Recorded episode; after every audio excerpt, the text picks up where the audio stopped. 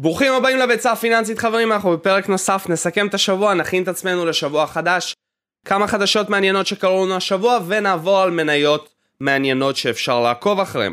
הכותרת של היום זה מניות שבורות, או מניות שירדו יותר מ-30% מהשיא שלהם. אני רוצה לעשות לכם קצת סדר על מניות פופולריות שהיו בזמן הקורונה, וירדו בכל שנת 2021. אז יאללה, בואו נתחיל. בואו נעבור טיפה על חדשות, ואחרי זה נתקדם למניות שהכנתי לכם. אז החדשות הכי מרעישות שהיו השבוע זה שטראמפ רוצה להקים רשת חברתית חדשה שהוא יקרא לה אמת. טראמפ ואמת אנחנו כבר יודעים שזה לא באמת הולך ביחד אבל זה מה שהוא רוצה לעשות. הוא אומר שענקיות התקשורת חוסמות אותו ולא מביאות לו את הזכות להביע את דעתו אבל אנחנו יודעים שדעתו זה לרוב לעשות איזשהו בלאגן. הוא החליט להקים רשת חברתית חדשה השם של המניה זה DWAC, אתם בטח זוכרים את המניה שעלתה מ-10 דולרים לאזור ה-160 דולרים ב-48 שעות ואחרי זה היא גם נחתכה כמעט ב-50%. היו הרבה אנשים שהרוויחו מלא כסף, היו גם אנשים שהפסידו את התחתונים שלהם, כי אנחנו יודעים לרוב במניות כאלה זה הימור בלבד. הרבה אנשים שאלו אותי, רגע איגור, מה זאת המניה הזאת? וגם יש את המניה הזאתי, ויש גם מניה עם סיומת אחרת. אז יש את המניה DWAC, ויש גם אותה מניה עם W בסוף. תזכרו רק, שיהיה לכם ככה לטיפ, שיש מניה עם חמש אותיות והאות האחרונה היא W, זה וורנט. זה אומר שזה כתב אופציה, זה אומר שזה התחייבות מול החברה לקבל בעתיד או כסף או מניות. זה בגדול בקצרה שתדעו. שאם אתם הולכים לקנות מניה עם W בסוף, שתדעו שרוב הסיכויים זה כתב אופציה. אתם מחפשים לקנות מניות. אבל המטרה שלנו זה לנהל את הסיכונים שלנו בצורה נכונה כדי שלא יקרה מצב שב-48 שעות או שאתם הרווחתם כל כך הרבה כסף או שגם הפסדתם כל כך הרבה כסף.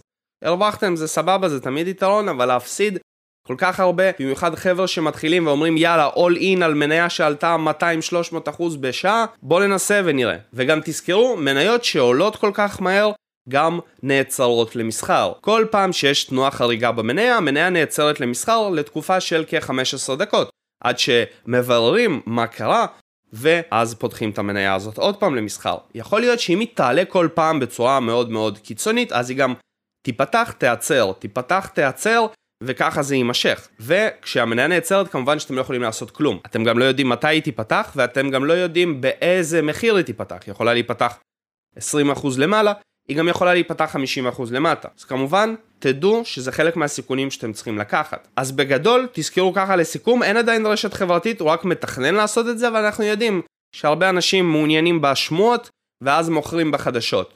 עד שזה יצא אנחנו לא יודעים. חברת DWAC, אני קורא לה ככה כי זה הסימול של המניה, זה הייתה חברת החזקות שאולי תרכוש את הרעיון של טראמפ. ואחרי שהיא אולי תרכוש, אנחנו יודעים שכשהרבה מאוד חדשות רצות ברשתות החברתיות, גם הרבה מאוד אנשים שמים עליה עין. אז אני רק מבקש, כמובן, אני מציג לכם את המידע הזה, אני רוצה שתנהגו בזהירות. מאוד חשוב, וגם אם אתם נכנסים לשוק ההון להפסיד 20% בתקופה מאוד קצרה של זמן, זה אומר שיכול להיות לא הבנתם כלום ממה שלמדתם, צריך לחזור בחזרה לספסל הלימודים, לתרגל בדמו, חוזרים עם ביטחון לחשבון האמיתי. ביטקוין בשיא כל הזמנים, ביטקוין הגיע השבוע שעבר ל-67 אלף דולר, פרץ את שיא כל הזמנים, נגע בו, ומשם גם ירד כעשרה אחוזים. יכול להיות שאנשים באו ואמרו, אוקיי, הגענו לשיא כל הזמנים, בואו ניקח קצת אוויר, נחכה, נראה איך מתקדמת התנועה, ואולי פשוט ניכנס עוד בהמשך. אז מ-67 אלף דולר אנחנו כרגע נתמכים על אזור ה-60 אלף דולר. אני מאמין שחלק מכם גם יודעים למה ביטקוין הגיע לשיא כל הזמנים בגלל אישור של התעודות סל שהתחילו להיסחר שבוע שעבר שדיברנו עליהם גם בשבועיים האחרונים של הסקירות. תזכרו, כל יום ראשון יש לנו סקירה שמסכמת את השבוע האחרון. אז אנחנו יודעים ביטקוין איתריום גם הגיע לשיא כל הזמנים, חלק מהמטבעות האחרים עדיין לא הגיעו לשם וגם הביטקוין הוא המלך בסופו של דבר. כאן אתם תראו את הגרף של הביטקוין, אנחנו רואים שהביטקוין הגיע לשיא כל הזמנים, והשיא האחרון שלנו היה באזור אפריל 2021, ואז משם גם ירדנו בכ-50%, ועכשיו עלינו 100% בחזרה כדי להגיע לאותה נקודה. אז יהיה מעניין לראות אם הוא יישאר ויתמך על אזור ה-60 אלף דולר, ואולי מכאן נמשיך למעלה. יש הרבה שמועות שאומרות שאנחנו בקרוב גם נראה 100 אלף דולר, אבל כמובן זה כרגע ספקולציות. יהיה מאוד מעניין לראות לאן התנועה תתקדם. מעבר לזה יש לנו את האיתריום, שימו לב שגם האיתריום הגיע לשיא כל הזמנים ומשם ירד. כרגע האיתריום נתמך על אזור 4,000 דולר, ואנחנו נעקוב ונראה אם האיתריום יתקרב לאזור של ה-3,700, יתמך עליו ואולי משם יפרוץ ויגיע לשיאים חדשים. מה קרה לנו בשוק המניות? שבוע ירוק נוסף, אנחנו מתקרבים לשיאים חדשים. הרבה אנשים ראו את התיקון האחרון, אמרו אולי אני אמכור את כל המניות שיש לי בתיק, נחכה ונשב על הגדר, אז תזכרו, אם אתם נכנסים לעולם שוק ההון ואתם אומרים שאתם משקיעים, זה שאתם רואים את המניות שלכם יורדות ואתם חקרתם אותה, זה רוב הסיכויים שיכול להיות, כמובן שחקרתם אותה נכון. יכול להיות שכרגע המחיר נמצא בהנחה, ואתם יכולים לקנות את המניה שאתם בדקתם וחקרתם במחיר זול יותר. יכול להיות. יכול להיות שאולי חקרתם גם לא נכון והמניה הזאת הולכת להתרסק. זאת הסיבה שאנחנו מכניסים ניהול סיכונים, כי אני יכול להיות הכי טוב בעולם ואני יכול להיות צודק 90% מהפעמים, עד שתגיע המניה הזאת שאני לא אנהל בה את הסיכונים שלי כמו שצריך, לא אציב שם סטופ לוס, ואז היא תאכל לי רווחים ותחזיר אותי אולי חצי שנה או שנה אחורה. זה קורה לרוב האנשים, גם חלק גדול מהאנשים שבאים ולומדים אצלי, גם התלמידים הפרטיים וגם מי שמגיע ולומד בקורס, אני תמיד מנסה לעבוד על הקווי מחשבה האלה, מהסיבה שאני יכול להציג לכם את כל המושגים, אתם גם יכולים לקרוא באינטרנט את כל המושגים, אבל בסופו של דבר זה הכל עניין של איך אני מנהל את הסיכונים שלי. יכול להיות שאתם תיכנסו למניה אחרי שחקרתם ובדקתם ואמרתם וואו איזה טירוף, היא בטוח הולכת לעלות עכשיו, קניתם, נכנסתם, המניה הזאת ירדה. מה אתם אומרים לעצמכם? אני לא יודע? מה קרה? זה לא אמור להיות ככה, אז תחשבו שהשוק יהיה לא רציונלי יותר זמן מאשר שאתם תהיו נזילים. משפט מאוד חשוב שאתם צריכים לזכור, תנהלו את הסיכונים שלכם, עדיף לצאת ממניה שאמרתם אוקיי בסדר אז טעיתי, להפסיד קצת כסף ואולי להיכנס אליה שוב. שלא תגיעו למצב שאתם מוכרים את כל תיק המניות שלכם ואומרים יאללה בואו נחכה, השוק מגיע לשיא כל הזמנים, עוד פעם אתם אומרים אה איזה באסה הייתי יכול לקנות מניות בזול יותר. אני חושב שאתם תמיד צריכים להחזיק מניות, לפעמים גם לעשות חלופה בתיק, למכור חלק מהמניות שעלו הרבה, אולי חלק מהמניות שתקנו עכשיו שאתם עוקבים אחריהם זה הזמן להחליף ולהיכנס לתוך המניות האלה. אבל תזכרו שאם אתם כבר מחליטים להחזיק מניה לטווח ארוך, אתם אמורים להחזיק את המניה הזאת לטווח ארוך, ולא להגיע למצב שהיא יורדת 3-4 אחוזים ואתם אומרים וואו אני מפחד, אני יוצא החוצה.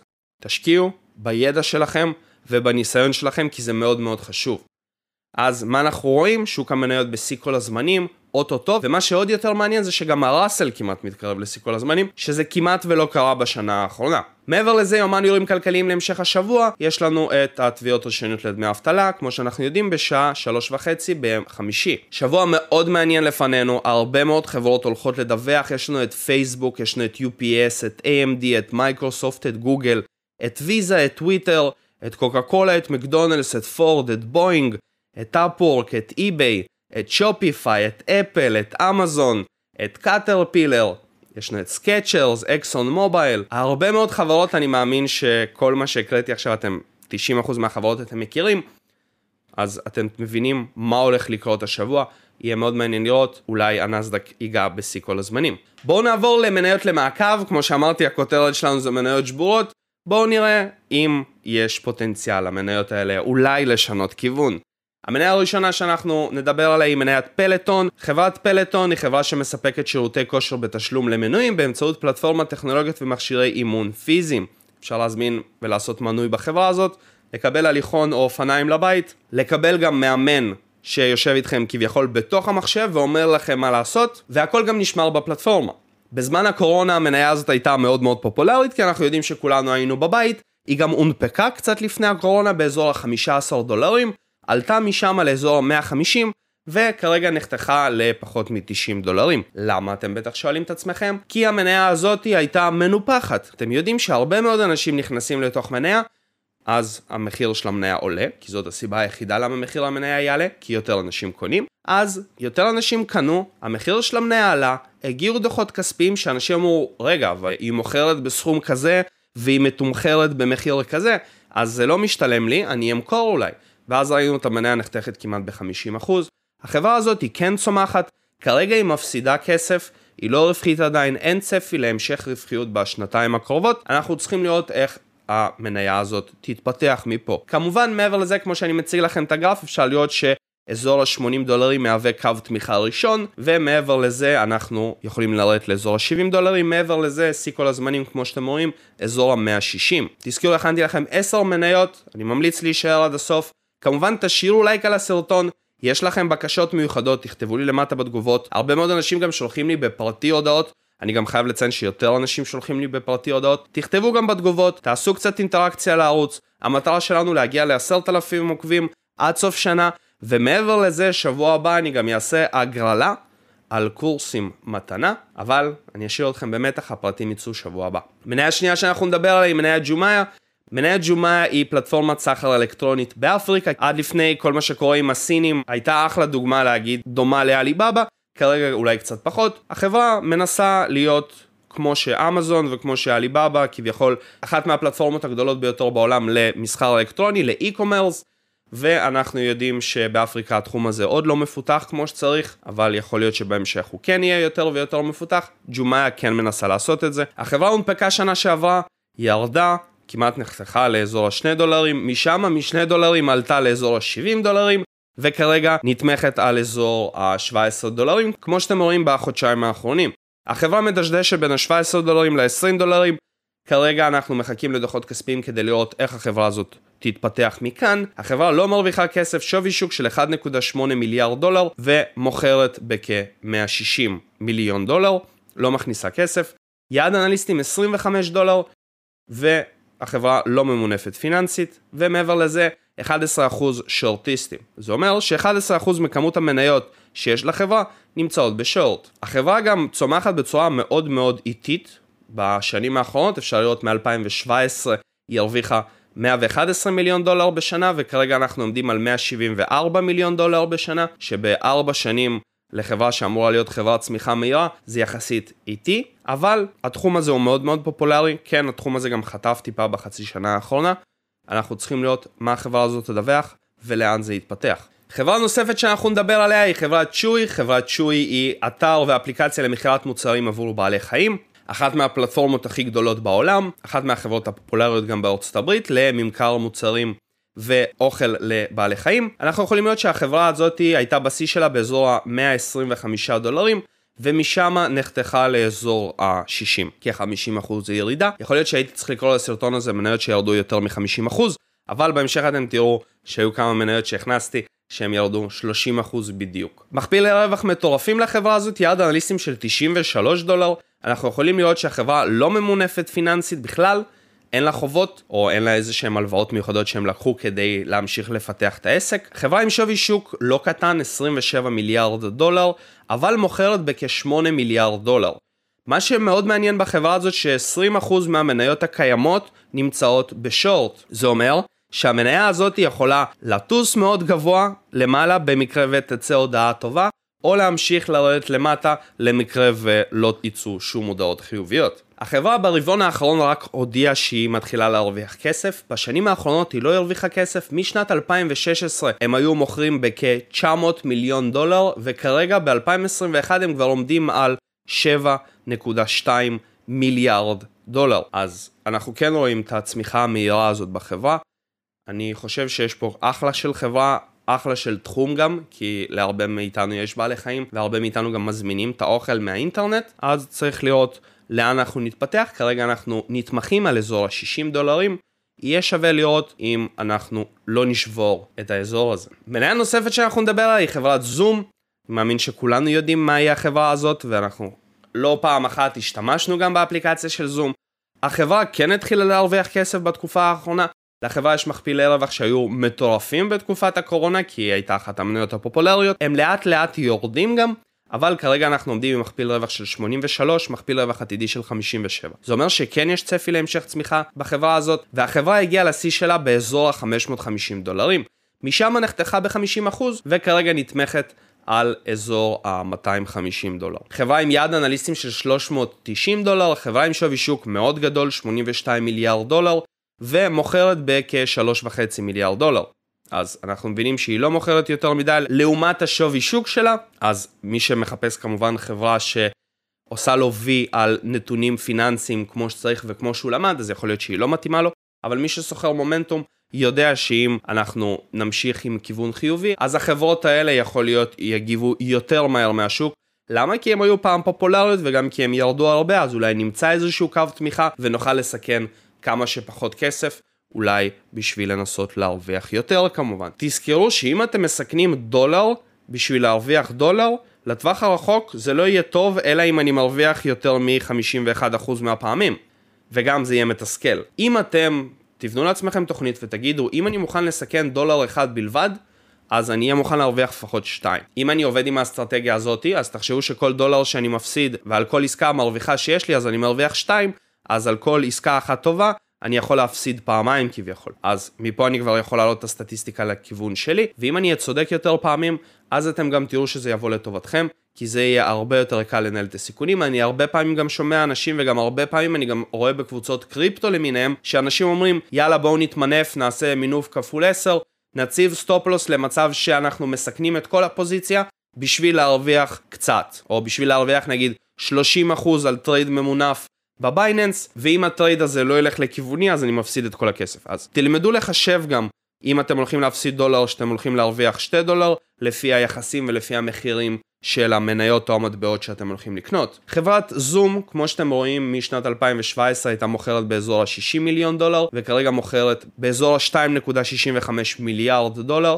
אנחנו כן רואים צמיחה, אבל לא צמיחה כזאת גבוהה כדי שתוכל להצדיק את השווי שוק של החברה הזאת. חברה נוספת שנדבר עליה היא חברת רוקו, אני מאמין שאתם יודעים, גם נמצאת בקטגוריה של המתחרות של נטפליקס, אחת מיצרניות הסטרימינג הגדולות ביותר בארצות הברית, אבל כביכול סובלת מתחרות גוברת מול מתחרות כמו אפל TV, או הקרומקאסט של גוגל, או הפייר TV של אמזון. אנחנו רואים גם בתקופת הקורונה, כמו שחלק גדול מהמניות שאני מציג פה, אתם רואים שהיא עלתה מאזור ה-60 דולרים לאזור של ה-480 דולרים, ומשם היא ירדה לכיוון של ה-300 דולר. אז היה לנו ירידה של כ-30 אחוזים, בתקופה האחרונה גם זה קרה. מכפילי רווח מטורפים במניה הזאת, יעד אנליסטים של 470. שווי שוק של 43 מיליארד דולר ומוכרת ב-2-3 מיליארד דולר. אם אתם מסתכלים על המכפיל מכירות, לא אטרקטיבי בעליל, אבל יכול להיות שאלו מניות מומנטום, כמובן כמו שאני מציין, אתם תנסו לסכן כמה שפחות כסף במצבים כאלה. אני מעדיף לחפש מניות תמיד שנתמכות על איזשהו קו תמיכה,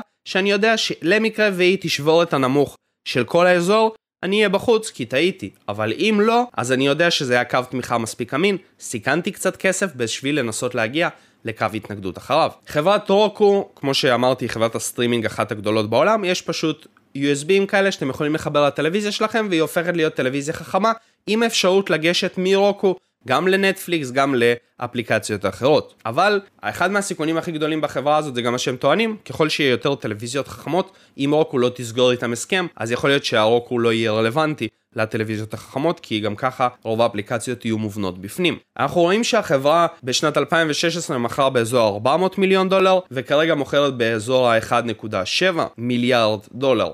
אבל כמו שאנחנו רואים, החברות האלה לאט לאט מתחילות להרוויח כסף, זה גם, הן נחשבות חברות צמיחה מהירה, כי אנחנו רואים חברות שעולות 100, 200, 300 אחוז בשנה ואז נחתכות ב-50 אחוז. לרוב אלו חברות שאנשים קנו הרבה ואז הבינו שהדוחות הכספיים לא תואמים למכפילים שלהם ולשווי, אז הם התחילו גם למכור. אבל תזכרו שבסופו של דבר כשאתם מוכרים את המניה, מישהו מהצד השני קונה אותה, אתם חושבים שעשיתם עסקה טובה, וגם הוא חושב שהוא עשה עסקה טובה. חברה נוספת ולדעתי גם החברה הכי טובה שנמצאת פה היא חברת מיקרון, חברה עם מכפילים אטרקטיביים, מכפיל רווח של 13, מכפיל רווח עתידי של 7.5, יעד אנליסטים של 114 דולר, והחברה הזאתי מאזור ה-100 דולר, שזה האזור השיא שלה, ירדה לאזור ה-69 דולר. חברת מיקרון היא חברה שנמצאת בתחום המוליכים למחצה, גם עשינו סרטון על הנושא, כמובן מי שלא ראה את הסרטון, אני אצרף לכם פה תאמנייל של הסרטון כדי שאתם תוכלו ללכת ולראות. חברה עם שווי שוק של 75 מיליארד דולר ומוכרת בערך ב-27 מיליארד דולר, אז לפי מכפיל מכירות היא כן אטרקטיבית, אבל כמו שאתם רואים בחצי שנה האחרונה היא ירדה 20 אחוזים. למרות ששנה אחורה היא עדיין חיובית, כי הייתה עלייה מאוד יפה בכל התחום הזה, אבל כרגע התחום הזה כן נמצא כמעט על שיא כל הזמנים, אבל החברה הזאת לא. החברה כן צומחת, לאט לאט אבל היא צומחת, היא גם חברה מאוד מאוד ותיקה לעומת החברות האחרות שהראיתי לכם. החברה בשנת 2017 מכרה ב-20 מיליארד דולר,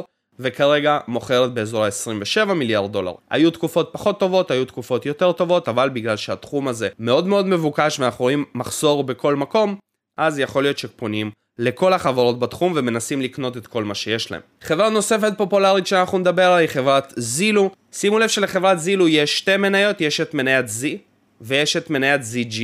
אנחנו מסתכלים על מניית ZG כי היא כביכול נחשבת המניה הראשית של החברה. דבר ראשון תקראו את ההבדל בין Z ל-ZG, אבל החברה הראשית היא ZG.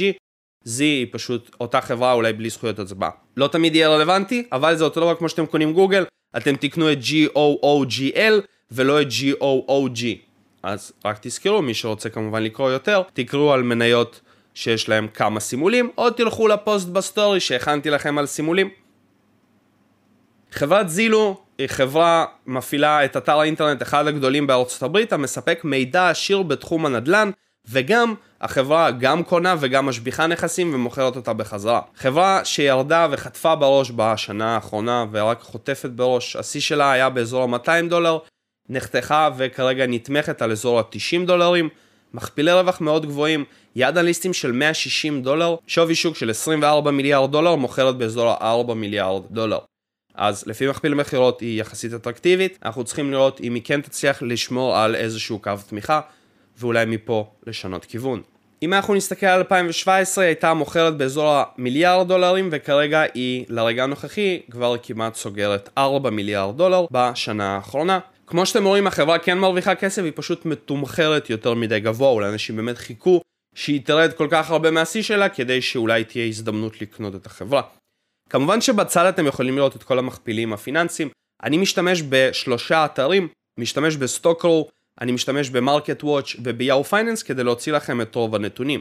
מניה נוספת שנדבר עליה היא חברת ביונד מיט, אני מאמין שחלק מכם אולי גם הצליחו לטעום את המוצר כי הוא גם נמכר בארץ, היא מייצרת תחליפי בשר, זה אומר שבהמשך אולי אתם תאכלו המבורגר, אבל זה לא יהיה מבשר אמיתי, אלא זה יהיה מתחליפי בשר. כמובן שהמוצרים שלה נמכרים כרגע כמעט בכל סופר בעולם, אבל אין יותר מדי ביקוש. החברה גם חתכה את הציפיות העתידיות שלה להמשך צמיחה בשנה האחרונה עקב מחסור בביקוש, זה מה שהם טענו, וגם החברה ירדה באזור ה-15% בשבועיים האחרונים. אנחנו מבינים שהתחום כמובן הוא צומח והוא מתפתח כי בהמשך, בעתיד, לדעתי כן יהיה הרבה מוצרים שהם יהיו תחליפי בשר, אבל החברה הזאת מנסה להיות הכי פופולרית, אבל כרגע גם לא מצליחה, אוספת על עצמה עוד ועוד חוב, אין מכפילי רווח, החברה ממונפת בצורה מאוד מאוד גבוהה כמו שאתם רואים. מחיר יעד אנליסטים נחתך, כרגע כמו שאתם רואים פה הוא אזור 118 דולרים, אבל לפי מה שקראתי הבוקר, המניה נחתכה לאזור ה-95 דולרים יעד אנליסטים, וכמו שאתם רואים שווי שוק של 6 מיליארד דולר מוכרת באזור 450. ו-25% מהמניות של החברה נמצאות בשורט. זה אומר שתהיה תנועה חדה לאחד מהכיוונים. אין פה אופציה, או למטה או למעלה עם כמות מטורפת כזאת של שורטיסטים. כמובן, אם אתם מעוניינים ותמיד מחפשים חברות מעניינות להוסיף לתיק שלכם, תמיד תנסו למצוא חברות שלא ממונפות יותר מדי פיננסית, כי אם יקרה מצב שהם יגיעו לתקופה קשה, אז הם ירדו הכי חזק. אנשים כמובן לא אוהבים חברות עם חובות, ותזכרו גם שחברה בלי חוב יהיה מאוד קשה לפשוט רגל, כי אני לא מאמין שאתם מכירים אנשים שפשטו רגל כשלא יהיה להם חובות. חברה נוספת שנדבר עליה היא חברת דראפט קינגס. אני מאמין שחלק מכם, מי שעוקב אחריי, צפה בסרטון של מניות קזינו, וראה את הסרטון על דראפט קינגס, וגם ראה את התנועה שדראפט קינגס עשתה, וכמו שאתם רואים, היא חזרה כמעט לאותו אזור. אנחנו דיברנו על דראפט קינגס באזור של ה-45 דולרים, היא עשתה תנועה מאוד יפה לאזור ה-65 דולרים, ומשם נחתכה והגיעה לאותו אזור. כמו שאתם רואים, החברה לא מרוויחה כסף, יש צפי שהיא כן תתחיל להרוויח כסף, חברה עם שווי שוק של 20 מיליארד דולר מוכרת במיליארד דולר, כמעט 10% מהמניות שיש לחברה שנסחרות בבורסה כמובן, תזכרו ככה שיש לנו את ה-shares float ויש לנו את ה-shares outstanding. ה-float מעניין אותנו כי זה מה שיש בבורסה, ה-outstanding זה מה שיש סך הכל. מחיר יעד של אנליסטים הוא 71 דולרים, אבל כמו שאתם רואים החברה היא מאוד מאוד תנודתית, אבל התחום הוא מאוד מאוד פופולרי. החברה בשנת 2017 הייתה מוכרת באזור ה-200 מיליון דולר וכרגע אנחנו עברנו את המיליארד דולר כבר. אז אנחנו רואים את הצמיחה המהירה בארבע שנים האחרונות, כמעט פי חמש, אבל מאוד חשוב לזכור שהחברה לא מרוויחה כסף וגם מפסידה יותר כסף מתקופה לתקופה. שזה גם לפעמים יכולה להיות איזושהי נורה אדומה. והחברה האחרונה שלנו להיום היא חברת סנאפצ'אט, חברת סנאפצ'אט הייתה מניה במגמת עלייה עד לסרטון הזה, ואז ביום אחד היא ירדה כמעט 30 אחוזים, עקב דוחות פחות טובים מהמצופה. עכשיו, את מי סנאפצ'אט היא האשימה בדוחות? היא האשימה את חברת אפל, בגלל שהעדכון החדש ב-iOS מגן על האנשים, אבל כשהוא מגן על האנשים, החברות שאנחנו מורידים את האפליקציות שלהם פחות יכולות לקבל מידע עלינו. אז ברגע שאנחנו לא מאשרים את הקבלת מידע, הפרסומות שמגיעות אלינו הן יהיו פחות רלוונטיות או פחות אטרקטיביות או פחות כאלה שיחזירו בחזרה לחברה את הלידים כדי שהאנשים האלה אולי יוכלו לסגור אותנו לאיזושהי חבילה או לאיזושהי עסקה כי התעניינו במשהו שהוא דווקא כן מעניין אותנו. כשאפל לא מאשרת דבר כזה וחברות שרוב ההכנסות שלהם מגיעות מפרסומות נפגעות, אז אנחנו רואים דברים כאלה, ועקב הירידות של סנאפצ'אט ב-30%, גם פייסבוק חטפה בראש וגם טוויטר וגם פינטרסט והרבה מאוד רשתות חברתיות קיבלו בראש עקב ההודעה הזאת. ביום שני הנוכחי פייסבוק תדווח בלילה ויהיה מעניין לראות מה היא תגיד על העדכון החדש של אפל. חברת סנאפצ'אט הודיעה על ירידה ברווחים שלה, החברה כרגע לא מרוויחה כסף, החברה גם עם חוב יחסית גבוה, יעד אנליסטים של 85 דולרים שאני מאמין שייחתך בשבוע הקרוב, שווי שוק של 86 מיליארד דולר ומוכרת באזור ה-3.5 מיליארד דולר. זה אומר שאם אתם מחפשים רשת חברתית להשקיע בה, יכול להיות שסנאפצ'אט, אם היא לא תמצא איזשהו קו תמיכה מספיק אמין כדי להיעצר עליו ואולי מפה לשנות כיוון, אז אולי צריך לחפש איזושהי רשת חברתית אחרת. אנחנו כן רואים שהחברה הזאת צומחת, אנחנו גם יודעים שהיא אחת מהרשתות החברתיות הפופולריות ביותר בעולם, אפילו יותר פופולרית מטוויטר, אבל אם אין ביקוש, ואם אנשים לא מוכנים לפרסם על הפלטפורמה שלך, אז זה טיפה בעיה, כי אתה כמובן תפסיד עוד ועוד כסף, אם זה החלק היחידי שדרכו אתה כן מרוויח כסף, ואז אתה מקבל מכה בכנף, אבל המכה בכנף הזאת היא מאוד מאוד רצינית, אז אנחנו צריכים לראות מה פייסבוק תדווח, כי פייסבוק בסופו של דבר היא הכי חשובה בתחום, כי אם היא תיפגע בפרסומות, אנחנו נראה את זה כמובן בירידה במחיר של המניה, ומעבר לזה אנחנו גם נקבל דיווחים של אפל בקרוב, וצריך לראות איך אפל, אם היא כן נפגעה מזה, או דווקא היא לא נפגעה מזה, ומה הם אומרים על כל התהליך החדש הזה. חברים, אני מאוד מקווה שזה היה לימודי עבורכם, שחידשתי לכם דברים.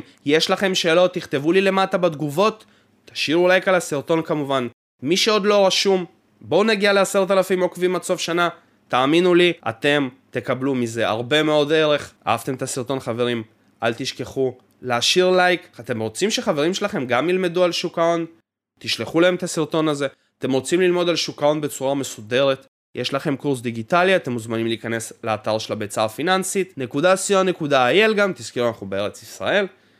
תקראו את הפרטים של הקורס, תשאלו אותי את השאלות, מי שרוצה לקבל את הסילבוס המלא, תפנו אליי בפרטי, אני אשלח לכם הכל, ותזכרו שאם אתם רוצים ללמוד כמו שצריך, תגיעו לביצה הפיננסית, אנחנו הקהילה הכי גדולה בארץ שמספקת לכם הרבה מאוד תכנים, ואני כאן בשביל לנסות וללמד אתכם כמה שיותר לתחום הזה. תודה רבה על ההאזנה, שיהיה לכולם שבוע טוב, אנחנו ניפגש בפרקים נוספים.